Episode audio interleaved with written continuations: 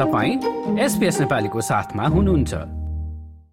आफ्नो सेभिङ अकाउन्टमा पैसा जम्मा गर्न धौधौ परिरहेको छ। यसमा तपाईँ मात्र एक्लै हुनुहुन्न।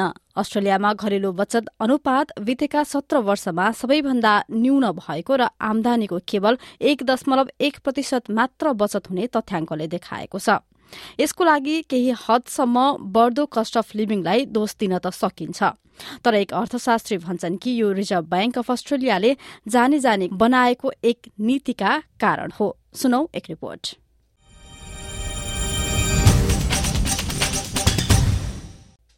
अस्ट्रेलियन घर परिवारहरूमा पैसा बचत भइरहेको छैन। यो कुनै आश्चर्यको कुरा त होइन किनभने जीवनयापनको बढ़दो लागत अर्थात कस्ट अफ लिभिङका कारण मानिसहरू आफ्नो बजेटमा फेरबदल गर्न र ग्रोसरी डाक्टर जस्ता अत्यावश्यक कुरामा मात्र खर्च गर्न बाध्य भएका छन्। अनि पछिको लागि बचाएर राख्न अलि थोरै नै पैसा बाँकी हुन्छ। बचतको अनुपात गत सत्र वर्षको तुलनामा सबैभन्दा कम रहेको अस्ट्रेलियन ब्यूरो अफ स्ट्याटिस्टिक्सले जनाएको छ मानिसहरूले आफ्ना सबै आवश्यक खर्च पछि बचेको पैसा अर्थात डिस्पोजेबल इन्कमको एक दशमलव एक प्रतिशत मात्र बचत गर्न सकिरहेका छन् एङ्ग्लिकेयर अस्ट्रेलियाकी डेप्युटी डिरेक्टर मे अजिजीका लागि यो एक चिन्ताको विषय हो It is concerning that fewer and fewer people are able to save and have a buffer. Uh, but it's also not surprising because we know that rents have been going up by about 10% every single year. Rents have gone up by about 75% since the onset of the pandemic.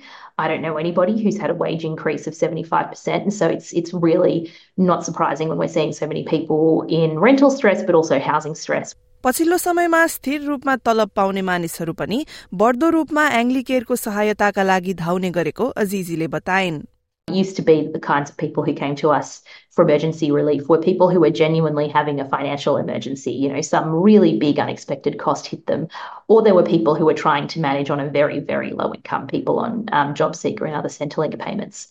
Um, you know, often come to emergency relief providers for help. But now we're seeing people who are in paid work. Maybe there are households where there are even two people in paid work, headed up by two people in paid work coming to us for help, and that is new, and it's it's really a sign that living costs are spiraling out of control. Australian bureau of स्ट्याटिस्टिक्सले सन् उन्नाइस सय पचासको दशकको अन्त्यदेखिको औसत बचत अनुपातको विवरण राखेको छ र यो तथ्याङ्कमा समयसँगै उतार चढ़ावहरू देखिएको युनिभर्सिटी अफ न्यूकासलका अर्थशास्त्रका प्रोफेसर बिल मिचल बताउँछन्। In the 1960s, for example, when we had very strong growth and uh, strong productivity growth and strong GDP growth, very low unemployment, the household saving ratio was was up around 16%. As we approached the sort of mid 90s, the household ratio started to fall. Households went crazy with borrowing, and the, the household debt ratio rose from like 60% of disposable income to nearly 200%. Just before the global financial crisis in 2007, the household saving ratio had become negative. Households were in total spending more than their incomes each period. That's totally unsustainable. उनी भन्छन् कि घरेलु बचतको वर्तमान अवस्था जानाजानी बनाइएका मौद्रिक नीतिहरूका कारण भएको हो the, the RBA has deliberately targeted household savings. They've said this in their monetary policy statements that they believe that they could push up interest rates without completely scorching the economy because households had saving buffers. You know, average mortgages of what have gone up about 52%, which is diabolical for a low income family. The way in which households have adjusted to that in part has been to eat into their financial wealth. And so that's why saving ratio is falling close to zero again. And uh, it's unsustainable in my view. And uh, and I find it sort of reprehensible that government policy would deliberately rely on households destroying their own wealth and their own future and their own ability to risk manage to avoid political stress from harsh economic policies.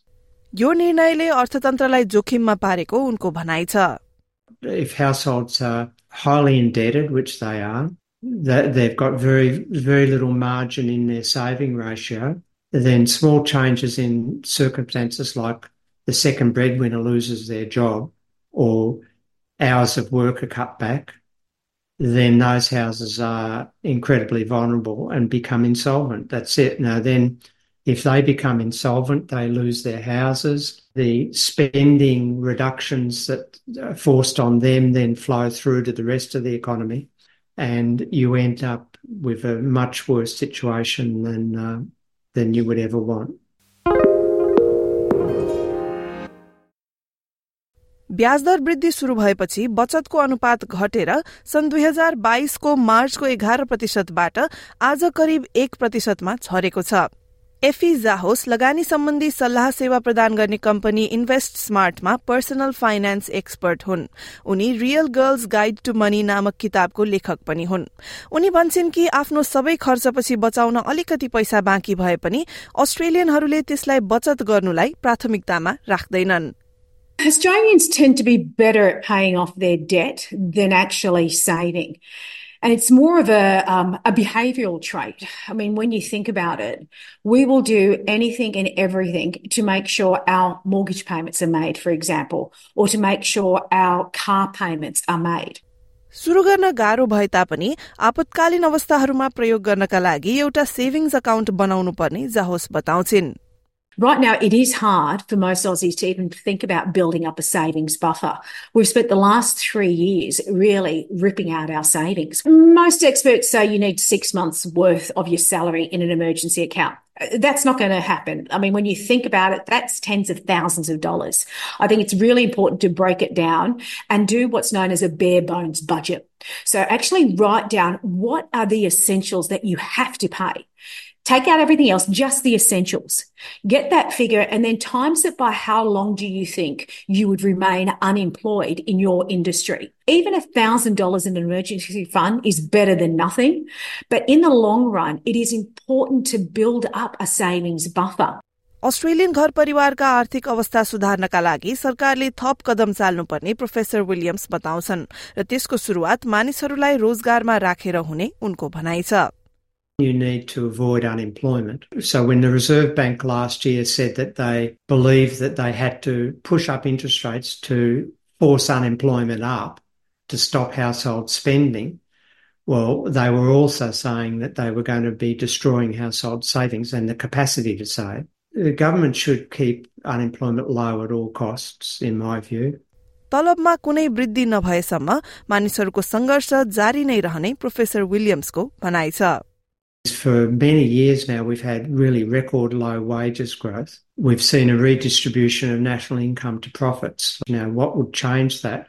Make it easier for workers to get wage increases. What stops workers getting wage increases? Pernicious industrial relations legislation. That, that mentality has to change for a sustainable increase and persistence in a healthy saving ratio.